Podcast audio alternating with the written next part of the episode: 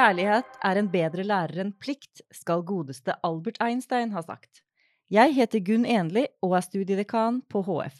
Du hører Undervisningsplikten, podkasten der jeg inviterer gjester som har kjærlighet og kunnskap om undervisning. Og i dag har vi for første gang en gjest utenfor akademia. Eller skal jeg kanskje si i randsonen av akademia, for hva er vel et intellekt uten kropp? Gjesten jeg har valgt å invitere i dag, er nemlig en representant for den beste, vil jeg si, den aller beste frynsegoden ved å jobbe ved UiO, nemlig medlemskapet på SIO og SIO trening. Vi har Domus Atletica, Blindern, Nydalen, Sentrum eller Vulkan som muligheter å trene på. Jeg har trent der i mer enn 20 år, ja, helt siden jeg var student, og jeg har alltid vært veldig imponert over nivået på instruktørene på gruppetimene. Men hva er det SIO trening egentlig gjør, når de klarer å rekruttere så dyktige instruktører, og hva er det som skaper en god gruppetime?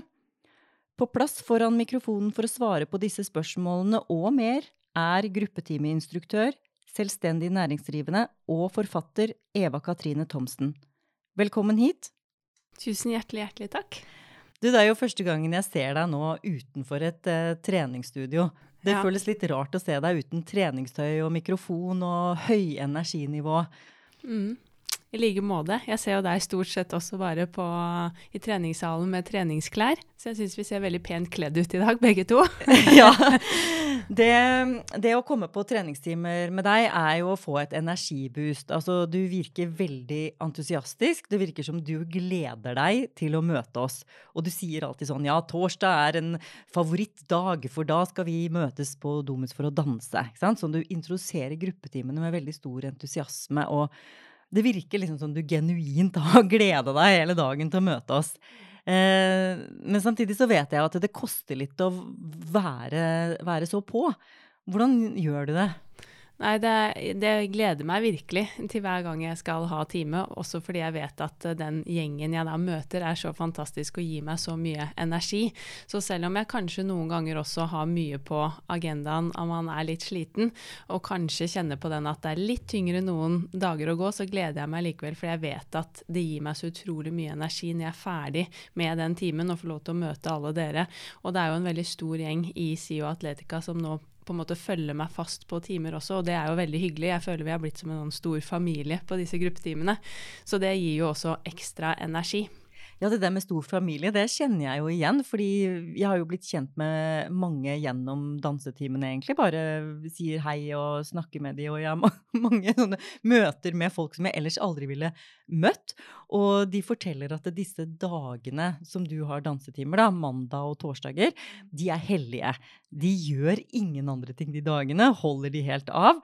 Og også har en, en krets rundt seg som vet at de dagene, nei, da er det trening. Ja, det er jo utrolig hyggelig å høre. At eh, det er uh, hellige dager for dem også. Og det er jo virkelig et, noen av mine største høydepunkt i løpet av uken også, er spesielt de dansetimene i SIO. Det er det. Men så den gleden du viser oss, den er ekte? Den er veldig ekte, ja. ja, for jeg har lurt litt på det, åssen det er egentlig å, å mål, målbære så stor glede og treningsentusiasme som du gjør hver gang, og om Ja. Mm. Nei, det er jo min største lidenskap. Jeg har alltid drevet med idrett og aktivitet, så jeg er jo selvfølgelig glad i trening, idrett, aktivitet, alt av bevegelse. Men når jeg da endte opp innenfor gruppetreningsverden, begynte som instruktør, så følte jeg at jeg virkelig landet, og så havnet jeg på idrettshøyskolen etter hvert. Og da fant jeg ut at dette er liksom det jeg har lyst til å jobbe med, og det er min store lidenskap. Så det er virkelig det morsomste jeg gjør, er å få lov til å holde de timene. Og jeg har danset hele livet også, så alle timer til musikk og med trinn, og da spesielt dans, jeg må jo innrømme at de ligger jo enda et hakk over alle de andre timene jeg underviser, for det syns jeg er ekstra morsomt. Ja, for det er jo ganske avansert det du underviser i. Altså det er jo koreografi, eh, avanserte trinn, eh, og du bygger opp eh, en ja, dans til musikk som eh, man skal kunne ta eh, ganske enkelt, selv om man ikke er liksom, profesjonell danser eller har veldig god, god bakgrunn. Mm. og det du sier at du har gått på um, idrettshøyskolen. Jeg tenkte å spørre deg litt om bakgrunnen din. Kan du fortelle hvordan du endte opp som instruktør? Ja, jeg begynte jo faktisk eh, å studere her på Blindern, på universitetet på biologi. For jeg var fast bestemt for å egentlig bli veterinær. Veldig glad i dyr. Hatt uh, hest og hund og katt hele livet. Og mens jeg studerte her, så begynte jeg også å jobbe etter hvert en deltidsjobb på Kondis på Stovner, et lite treningssenter der. Det var bare helt tilfeldig at jeg falt over en stillingsannonse på Finn den gang hvor de sa at de søkte utadvendte, spreke, blide mennesker som hadde lyst til å få full opplæring og undervise gruppetimer. Og jeg fikk jobben og begynte, og ble ganske fort bitt av basillen.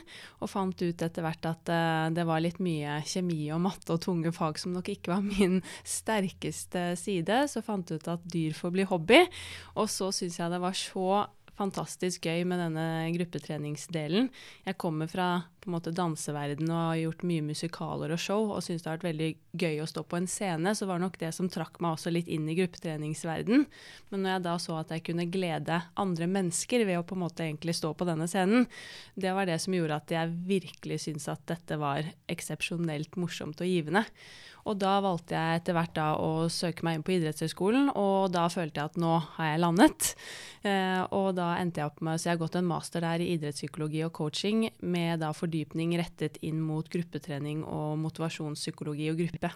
Aha, så du mm. vet hva du driver med? Ja, jeg håper da det. Men uh, SIO, hvordan, uh, hvordan var det at du begynte på SIO? Jeg begynte å trene der selv når jeg var student uh, her på Blindern. Eh, og begynte på masse gruppetimer og syntes jo det var et fantastisk tilbud. Og møtte spesielt eh, en som het Tina Toika den gang, som da var ansvarlig for gruppetreningen i hele SIO. Hun var eksepsjonelt dyktig. Og så jobbet jeg jo da parallelt på Kondis på Stovner etter hvert. Det var litt langt å reise, og da drømmen var jo da å igjen kunne få lov til å ha timer i SIO Atletica, hvor jeg da trente selv. Hvor jeg da rett og slett uh, sendte inn en åpen søknad og spurte pent, og fikk lov til å komme på uh, audition etter hvert. Og fikk lov til å komme inn og ha litt prøvetime, og ble tatt under vingene av uh, Tina. Så det var sånn det startet. I 2010 begynte jeg i SIO Atletica, så jeg har tiårsjubileum til neste år. Aha.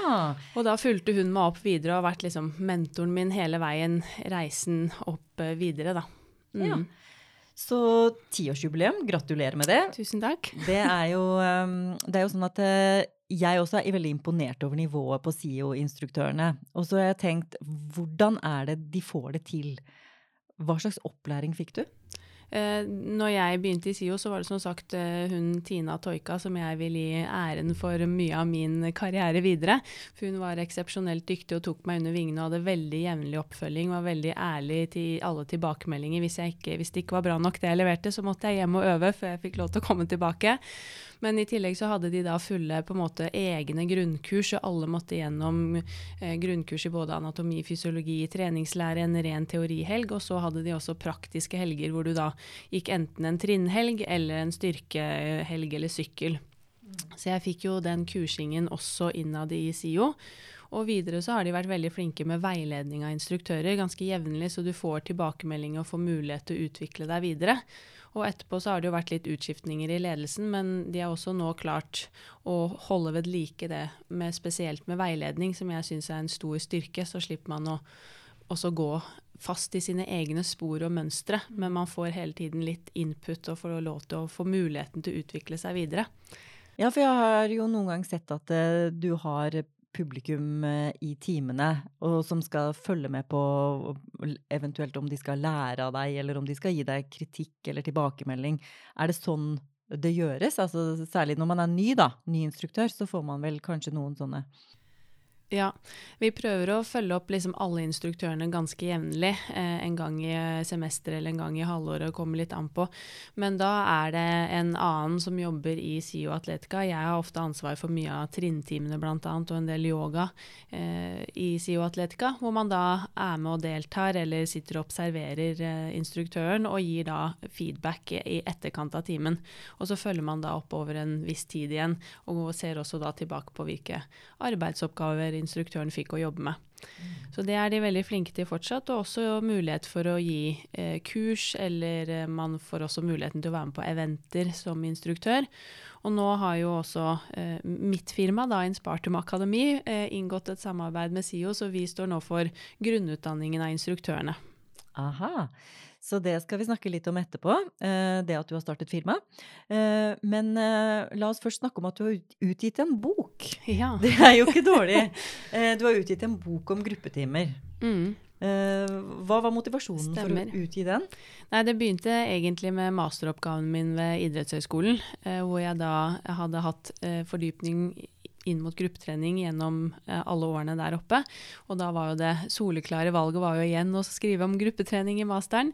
Så jeg gjorde et kvalitativt studie hvor jeg intervjuet deltakere eh, fra tre ulike instruktører som var veldig populære på sine sentre, da, og hadde høyest belegg på sine timer. For det jeg ønsket å prøve å finne ut av og forstå, er det hva da dere som deltakere verdsetter hos oss som instruktører, mm. eh, og som gjør at dere ønsker å komme tilbake og tilbake igjen og igjen. Ja, det er et interessant uh, spørsmål, for det er jo, vi ser jo det at vi følger instruktørene mer enn noe annet. Mm. Sånn at det er uh, det som skaper uh, sånn, hva heter det, jevne Uh, treningstimer. Ja, og, og, det som skaper uh, motivasjonen, tror jeg. Mm. Og, og, at man møter en fast instruktør.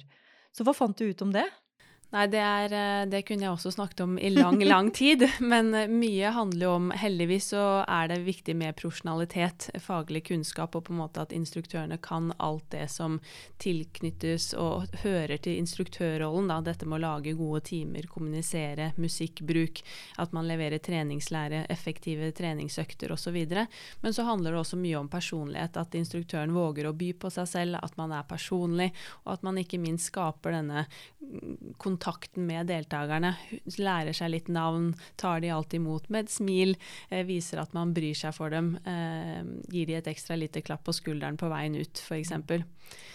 Ja, så Det er jo litt av det samme som vi som underviser på universitetet gjør. ikke sant? Det å lære seg navn og det å ja, du lager jo en Facebook-gruppe for oss som går på dine timer, og det mm. knytter oss jo til deg, men også til hverandre. Skaper et miljø mm. rundt treningen.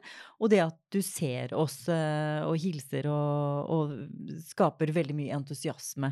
Absolutt, så det er veldig viktig å skape det inkluderende fellesskapet. Så det var når jeg, etter at jeg da var ferdig med denne masteroppgaven, eh, så var det han som jeg jobbet tett med, og som var veilederen min, Frank Abrahamsen, som er idrettspsykolog.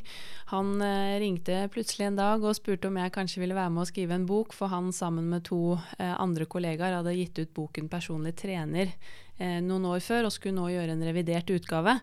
Og lurte på om jeg da ville være med og gjøre denne boken til en full, fullverdig fagbok for både da Peter og gruppeinstruktører. Så det er på en måte blitt en todelt bok da for Peter og instruktører. Så det var sånn det begynte. Så det er egentlig den masteroppgaven som ligger mye til grunn.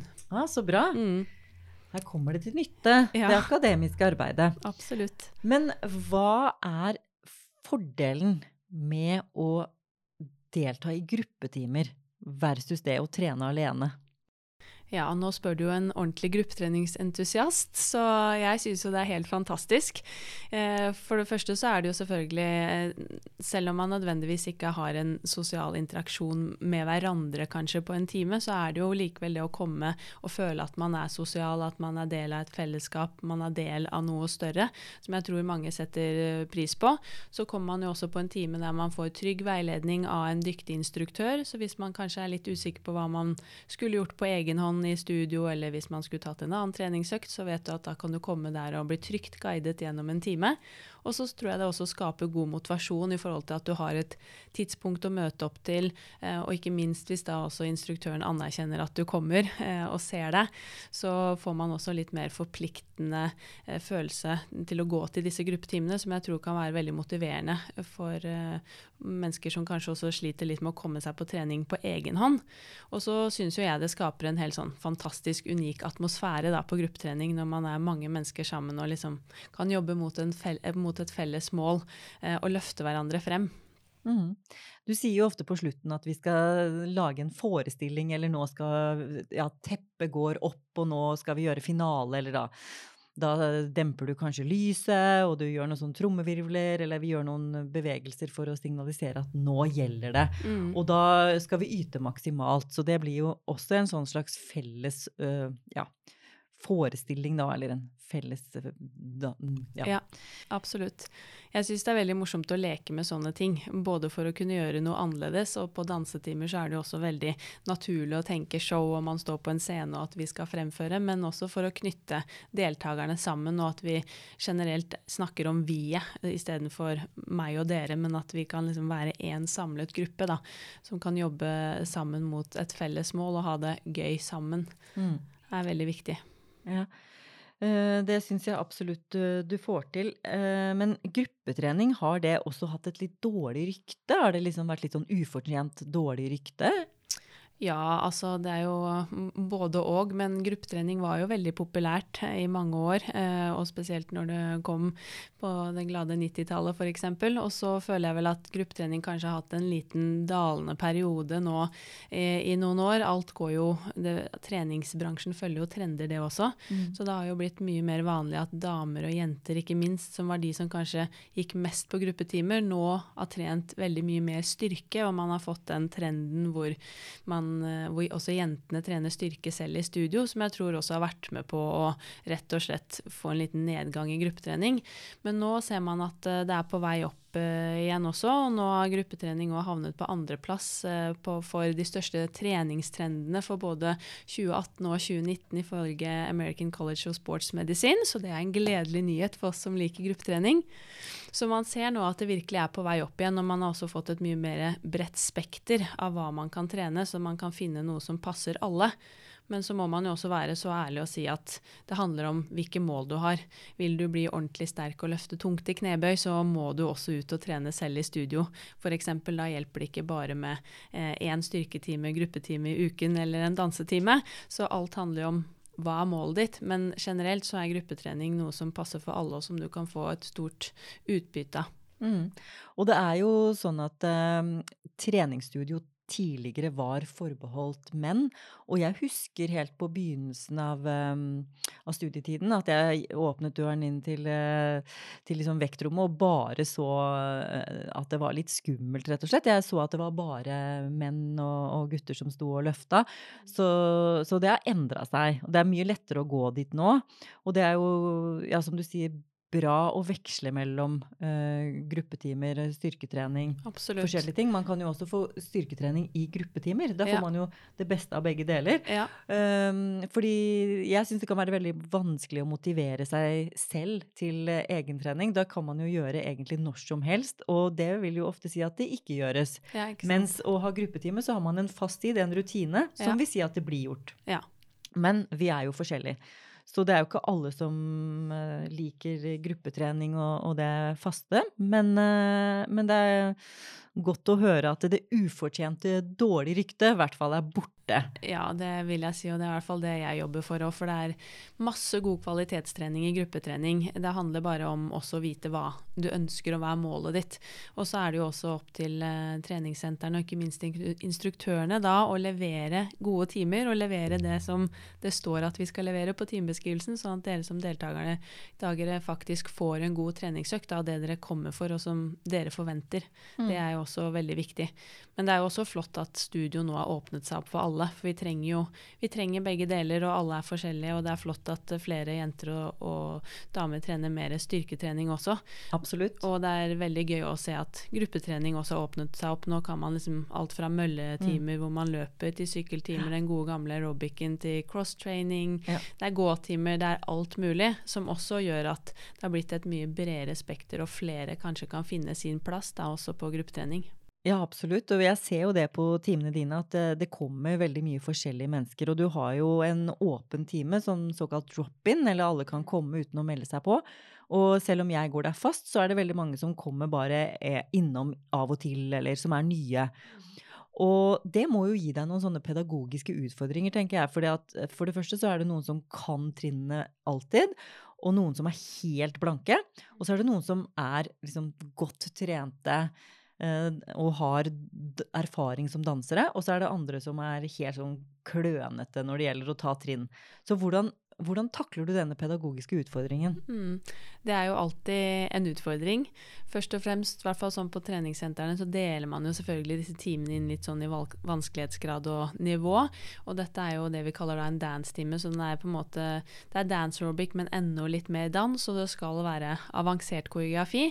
Men man opplever jo også at mange ikke leser timebeskrivelsen og likevel kommer på timen. Og selvfølgelig så er det en åpen time, så alle skal kunne få lov til å komme og, og være med. Så når jeg um, har timen, så er jeg veldig obs på å i hvert fall legge til grunn først at man ikke må bli skremt hvis man ser at det er mange som tar koreografien med en gang, fordi vi jobber jo med den samme koreografien over lengre periode, så sånn som for deg og resten som går veldig fast, dere kan det jo, så dere tar det raskt.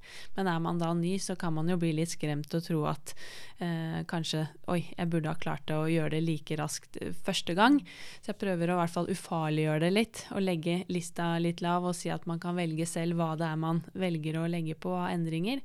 Og når jeg lager koreografien, så er, bruker man jo ulike eh, metodikker og pedagogiske eh, måter å lære ut koreografien på når jeg forbereder og lager timen. Og passer alltid da også på at man, jeg lager det sånn at man kan velge å skrelle av noen lag, mm. og heller gjøre det ganske basic. Eh, og hvis man ønsker, så kan man legge på de neste alternativene og gjøre det ganske avansert. Men i prinsippet så er det da også rom for alle. Ja. Og prøver jo også å oppmuntre folk til å komme igjen, for da vil de også kjenne på mer mestring. Eh, for alle vil jo få til mer etter hvert. Ja, ja, for jeg har lurt veldig på det. fordi når vi underviser på universitetet, så er jo det med nivåforskjeller veldig utfordrende. At vi har noen som har studert eh, Ja, altså noen som har noen uh, fag fra før, da. Og noen som kommer fra utlandet, noen som er helt nye, og ja. Uh, ofte så har man en miks av studenter i en gruppe, og det blir utfordrende å legge det på riktig nivå, sånn at man gir utfordringer til de aller flinkeste, men ikke mister uh, mm. de som, som, er liksom helt ferske, da. Ja. Og så har jeg sett på deg, og så tenker jeg, hvordan klarer du det? For du klarer virkelig å engasjere både de som sliter med trinnene, og de som fikser det. Og løsningen på det må jo være nettopp det du sier, at det, det kan aldri bli ferdig. Altså, for når du kan dansen La oss, la oss ta de, de, aller flinkeste, da. Mm, mm. De som kan det, og de som er liksom proffe dansere, eller som som ikke har noe problem med å ta trinnene lenger, det, mm. de kan da utfolde seg og legge til detaljer, men det blir aldri perfekt. Altså man kan, og man kan kose seg med dansen, mens de som er helt nye, må slite og bare prøve å få det inn. Ja, absolutt. Så, ja. Ja, nei, det er jo en, det er en stor utfordring. Og på disse gruppetimene som er sånn det du sier drop-in-timer, så betyr det jo at hvem som helst kan komme og være med, og de skal i utgangspunktet opp Eller målet mitt er jo at de skal føle mestring og være med på den samme dansen og kanskje ikke komme igjen. Og så har du de som kommer hver uke. Mm. Så jeg må jo også for hver gang se an gruppen eh, fra gang til gang. Noen ganger så har jeg kanskje nesten alle som alltid kommer, og vi kan dra det ganske mye lenger, for jeg ser at nå eh, mm. sitter dere dere, og, det får dere til. Og har jeg en gruppe med mange nye, så må jeg dra det ofte litt lenger ned. Um, og bruke kanskje mer tid på enkelte deler i utlæringen. Og da må jeg tid til også da se om folk får det til, og hvordan det ligger an. Mm. Og så prøver jeg å gi det vi ofte kaller innenfor idrettspsykologien, dette med optimale utfordringer, som du også snakker om. Det at eh, det kan ikke bli for kjedelig for de som har gått der hver gang. De må få en gulrot å strekke seg etter, de også. Men de som kommer som nye, må oppleve mestring, for mestring er jo essensielt for at folk skal opprettholde motivasjonen og komme tilbake. Ja, ja. Og da prøver jeg å møte de nye med å gjerne ufarliggjøre det, være litt humoristisk, eh, gi de, de enkle alternativene og også vise de selv, og bli med ofte på deres nivå. Eh, og for dere som har gått der over lengre tid, så begynner jeg ofte da å kunne pirke på litt mer detaljer og dra det litt lenger. Eh, gi dere mer utfordringer i forhold til dynamikk, eh, lengde på armer glemmer små detaljer i koreografien, f.eks. Ja, for da kan både vi som har gått der lenge, og de nye føle, som du sier, mestring, ja. som er, er, nøkkelen. Men også at vi har noe å strekke oss etter. En annen ting jeg har lurt litt på, det er fordelene med at du går gjennom dansen først ganske enkelt, uten alle de eh, piruetter eller små steg eller armer, for at vi f.eks. bare kan gå over gulvet frem og tilbake dit hvor vi skal gå i ulike retning.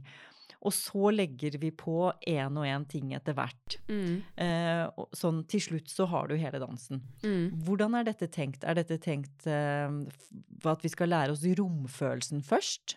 Eh, I gruppetreningsverdenen så jobber vi med en del ulike altså metodikker innenfor det som kalles for blokkbygging, da, som vi bruker innenfor koreografi. Så når man lærer én lang koreografi på en sånn type time, enten det er gulv eller step, så jobber man med det som kalles for blokkbygging. Og da er det rett og slett ganske mange ulike verktøy og rett og slett sånne regler å forholde seg til, som man kan bruke når man jobber pedagogisk med å, å lære ut denne koreografien. Så jeg bruker eh, sånn som på de koreografiene som du er med på, det, på denne dansetimen, så er det en ganske sånn god blanding av mange av disse undermetodikkene for blokkbygging eh, i forhold til når jeg bygger det opp.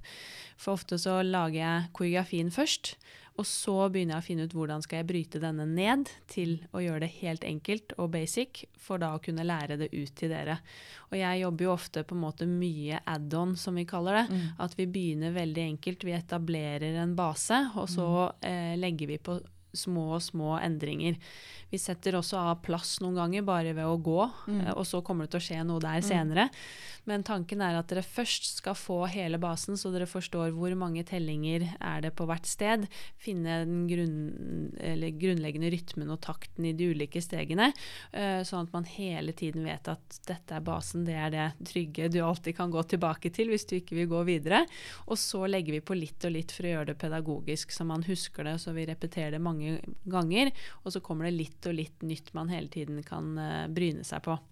Så det er jo det er mye tankegang og tid bak disse dansekoreografiene for også å prøve å gjøre det så logisk og fornuftig som mulig, og ikke minst opprettholde god flyt gjennom timen, sånn at dere får god treningseffekt, som vi er opptatt av på disse gruppetimene med kondisjon i fokus.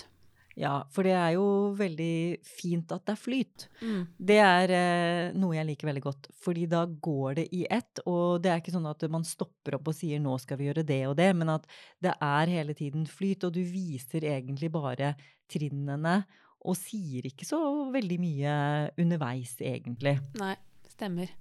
Nei, så fokus er jo å holde flyt nettopp for å få god nok intensitet over så og så lang tid, sånn at vi vet at det gir effekt på eh, maksimalt oksygenopptak, og at man får en god kondisjonseffekt av det. Og da er man jo nødt til å være i en viss intensitet eh, over en viss lengde, så det er jo det rent sånn treningsfaglige målet. Eh, I tillegg, og da er vi nødt til å holde denne flyten nå, så det ikke blir stopp, så vi dropper i puls. Og i tillegg så er det jo også en mye mer behagelig eh, følelse, det at alt flyter, og det gjør det lettere for folk også å følge med. Og spesielt siden det også er dans. Så jeg jobber mye med å prøve å få disse mm, koreografiene til å være så logiske som mulig, når jeg da eh, bryter de ned for meg selv og prøver å finne ut hvordan jeg skal lære dere det i etterkant. Veldig pedagogisk eh, utfordrende. Men at du lager dansen først, og så bryter det ned i deler. Det, Mm. det var veldig interessant å høre. Og, og det fungerer jo også. Mm, det er mange som innenfor gruppetrening så kan man på en måte jobbe på ulike måter. Så noen begynner kanskje med helt basic grunnsteg, og så utvikler det derfra. Min måte å jobbe på, spesielt med, med avansert koreografi, er ofte at jeg lager selve dansen i seg selv først. Så begynner jeg i motsatt ende igjen og bryter den ned. Og prøver å Innenfor trinntimer så kan du bryte ned alt i det vi kaller enten da gå eller tap-steg. Så det er det du på en måte prøver å få det ned til. Og så øh, bygger det gradvis opp. Ja, Veldig interessant. Du har jo en veldig stor fanskare og faste tilhengere eller deltakere på dine timer. Eh, så du har vel sikkert veldig høy selvtillit på, på det å være instruktør. Men jeg vet ikke om du alltid har hatt det. Har du noen gang liksom vært veldig usikker eller tenkt at kunne at du har gjort en feil, eller vært redd for å gjøre feil, eller er, er det Ja, eh, virkelig. Spesielt selvfølgelig når man er ny, så var man jo veldig mye mer nervøs enn det man er nå. Eh, og stadig så gjør man jo noe feil, og det gjør jeg jo den dag i dag òg. Selv om jeg har holdt på nå i, siden 2008 som instruktør, så plutselig så bommer jeg på musikken, eller så glemmer jeg trinn. Og det skjer jo, og da må man bare ta det med et smil. Noen ganger så merker jo ikke dere at jeg gjør feil, jeg bare smiler og kjører på. Og noen ganger så må man kanskje bare le litt av det. Og selv om jeg har holdt på nå i mange år, så hver gang jeg jeg f.eks. har en ny dansekoreografi, så er jeg ganske nervøs.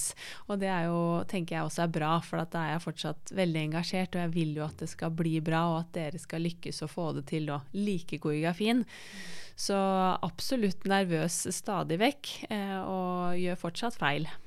Mm. Men eh, for nervøsitet kan også gi energi inn i rommet når du møter oss, eller syns du det er eh, veldig, veldig skummelt å komme med ny koreografi? Nei, altså som ny så kunne du jo kanskje ta litt mer overhånd, den nervøsiteten. Men sånn som nå, så, så, handler det jo litt om hvordan man ser på nervøsiteten og uh, takler den. Man kan jo på en måte grave seg ned i det og bli stressa av det og synes at det er skummelt, men hvis man heller kan snu det til å se på at det er faktisk positivt, da. Det betyr at jeg bryr meg, det betyr at jeg er engasjert, det betyr at jeg er på, jeg vil lykkes. Så er det jo egentlig eh, veldig positivt, så må man bare bruke den eh, nervøsiteten til noe bra. Og så er det ofte sånn når jeg først kommer i gang, så glemmer jeg det.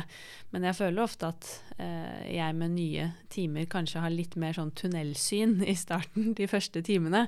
At jeg ikke er like flink til å se alle deltakerne eller er like utadvendt som jeg pleier å være, for jeg er litt så mye inni mitt eget hode og tenker veldig i starten. Men eh, det tror jeg også jeg kjenner mer på enn hva dere legger merke til. Mm. Ja, fordi dansen er jo ny for deg også? Ja, jeg har jo tråkket den gjennom veldig mange ganger, men det er alltid annerledes når du plutselig får mennesker foran deg. Eh, og også om, de, om det du har tenkt og forberedt, om det gir mening, om det er logisk, om dere henger med. Plutselig så står man kanskje over en utfordring man ikke har tenkt på, og da må man løse det der og da. Ja, Har du noen gang opplevd at du har laget en for vanskelig dans, sånn at du måtte forenkle det for at uh, ditt uh, publikum, eller uh, vi, da har, Ja, stort sett så har jeg jo en plan sånn jeg vet, altså, Som jeg sier, du kan bare skrelle av noen lag. Så hvis jeg mm. ser at nå får vi ikke tid, eller dette blir for vanskelig, så bare kutter jeg ut noen deler. Men jeg har også vært på conventioner bl.a. andre steder for å holde time, hvor jeg liksom har laget meg en plan, og så har jeg sett at dette kommer aldri til å gå. Så da har jeg måttet lage liksom plan B og C i hodet mitt mens jeg har holdt på. ja. Men hva vil du si om de som går på Domus Atletica sammenlignet med du, du underviser jo på veldig mange forskjellige steder. Er det noe som kjennetegner uh, SIO-treningsgjengen, eller? Ja, jeg vil jo si at uh, man blir litt bortskjemt som instruktør noen ganger, tror jeg, uh, ved å, å, jobbe i SIO. Det er derfor jeg syns det har vært veldig fint å jobbe andre steder òg, for å rett og slett utfordret meg med ulike kundegrupper. For det er jo en forholdsvis homogen gruppe uh, i SIO. For det er jo veldig mange studenter, generelt da veldig spreke, unge mennesker som er med på det meste du gjør. så det kan jo også noen ganger være litt sånn skummelt, for det, det kan bli litt lett for deg som instruktør. Da. Så det kjenner jeg har vært vært deilig også å jobbe andre steder med veldig ulike eh, kundegrupper. Men det er jo veldig høyt nivå, vil jeg si, generelt på deltakerne i SIO.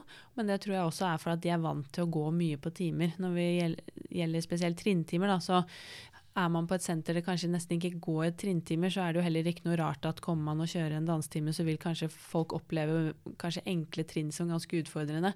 Men i SIO så er det jo mye trinntimer, og folk er glad i å gå på sånne timer, og det har alltid vært et godt miljø for det. Og det også gjør jo noe med at nivået generelt også blir høyere. Mm. Fordi når du gir timer utenfor SIO, så er det i kraft av at du har starta firma. Du er gründer. Eh, fortell litt om det. Hvorfor jobber du ikke som vanlige folk? Hvorfor har du starta eget firma? Ja, ikke sant. Det var en uh, litt lang reise dit også. Men uh, jeg har jobbet parallelt med studiene i alle år.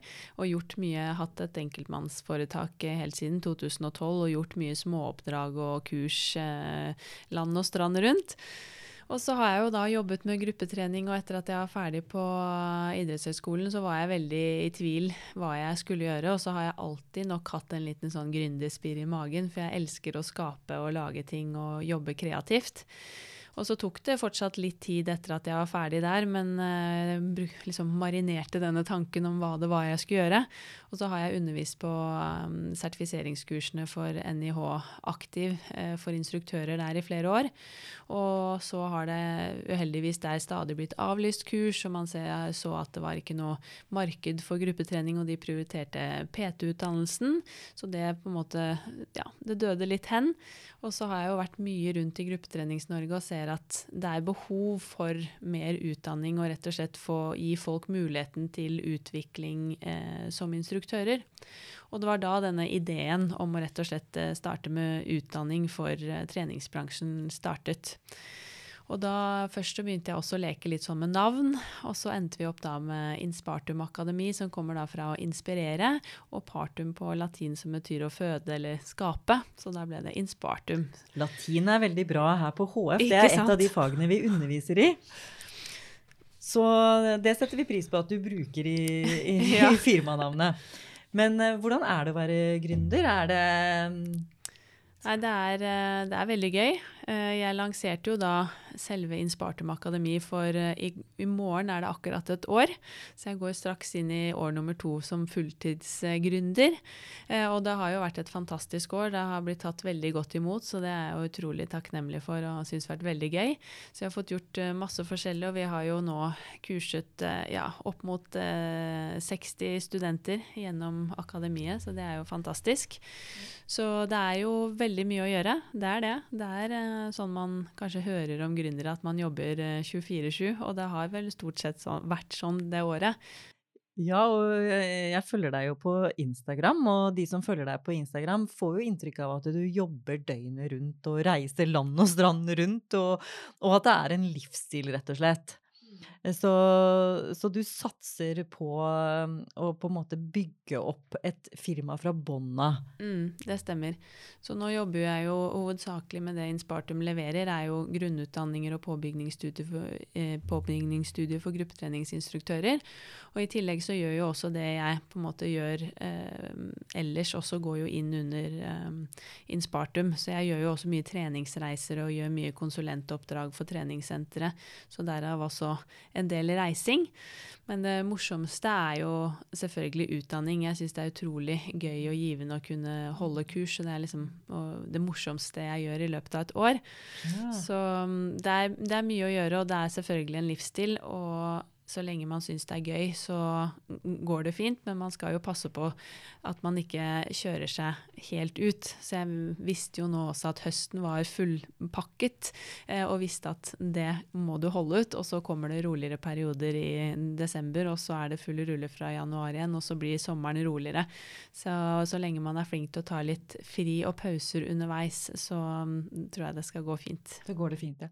Ja, fordi um, du har jo tatt en risiko ved å, å, investere så mye i et eget firma, eh, og må jobbe kanskje på andre tider av døgnet enn det som er vanlig. Mm. Men, eh, men, som du sier, det er, eh, det er det som har vært drømmen din. Ja, det er virkelig det. Så jeg stortrives, og det er uh, utrolig morsomt. Og jeg har jo en drøm om at forhåpentligvis at dette kan vokse enda større, og at jeg også kunne fått uh, ansatte en dag, og at dette kunne bli en trygg arbeidsplass til flere enn bare meg.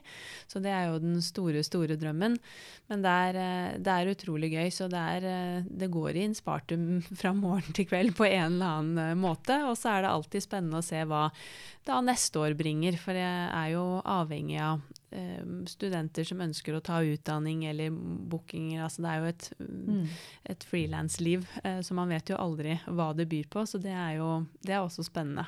Ja, og fordi du underviser jo da de eh, neste generasjons eh, gruppetimeinstruktører. Hva er det du ser etter, hva er det du vektlegger eh, i den undervisningen? Nei, Vi har jo et stort uh, fokus på faglighet. Uh, det er viktig for oss at de har et, en grunnleggende forståelse for kroppen, anatomi, fysiologi, uh, treningslære. Men vi velger å knytte alt direkte opp til gruppetrening. For, å, for de som skal jobbe som instruktører, så trenger man ikke å kunne f.eks. anatomi ned til den minste lille detalj med utspring og feste, men det er mer eh, viktig for oss, mener vi i Inspartum, at man skjønner på en måte bevegelse, helheten av kroppen og mennesket.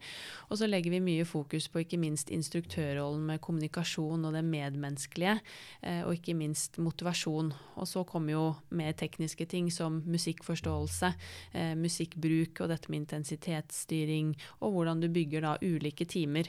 Så det er en um, Grunnutdanningen er en omfattende utdanning, men det er jo faglighet og ikke minst da kommunikasjon og det medmenneskelige som er i bånn. Og vi prøver å knytte alt opp til gruppetrening for å gjøre det undervisningen så spesifikk som mulig, og ikke minst knytte den opp til praksis hele veien. For det er jo et veldig praktisk yrke. Man trenger For å bli en god instruktør så må du ut og undervise masse timer, og du må møte mennesker, og du må prøve og feile og mm. oppnå erfaring. Ja, det høres ut som det er mange paralleller til uh, måten vi utdanner f.eks. lektorer her på HF. At de også må ut i praksis, og de må, må lære um, gjennom å prøve seg. Mm. Men, uh, men, at vi har også behov for at våre studenter skal gå til SIO og trene ved siden ja, av studiene. så, så det, det å kombinere hva, hva, tror du det har å si for en student som leser mye til eksamen, eh, eller en forsker for så vidt som sitter mye på kontoret? Hva tror du trening har å si Nei, man vet jo det sånn rent forskningsmessig også, at uh, fysisk aktivitet og trening er jo alfa og omega for både kropp og ikke minst topplokk. Uh, så man har jo veldig godt av det for å trives godt i hverdagen og ha en uh, god og sunn helse. Og én ting er jo alle de fysiske prosessene og dette med å, at man opparbeider seg økt kondisjon, at man blir sterkere, um, trives bedre i hverdagen og rett og slett ha en sunn og frisk kropp. Men ikke minst tror jeg det er viktig også for det mentale mentale og topplokket også få den pausen i arbeidet og få lov til å gjøre noe helt annet. Eh, og så utløser jo trening masse gode hormoner og endorfiner som man ofte føler også sånn lykkerus etter at man har vært på timer, eh, f.eks., eller trent selv. Og man får jo ofte mye energi av fysisk aktivitet og trening. Så selv om man tenker at kanskje det er slitsomt eller krever energi, så gir det jo ofte påfyll av energi. Så for min del, når jeg har vært student, så har jo trening vært en veldig viktig del. Og selv om du kanskje sitter og ja, det kjennes litt tungt ut, for du er tung i hodet og har hatt en lang dag. Så hvis man da klarer å komme seg på trening, så får man veldig mye igjen for det. Mm. Det høres ut som en god anbefaling fra deg.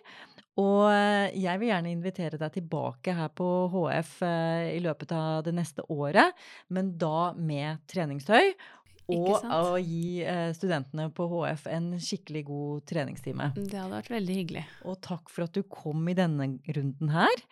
Tusen hjertelig takk. Veldig hyggelig å komme og få lov til å skravle om det jeg liker aller best, nemlig ja. undervisning og gruppetrening. Ja, det var veldig interessant å høre på. Og til dere som lytter til podkasten, så vil jeg si takk for nå, og vi høres om to uker.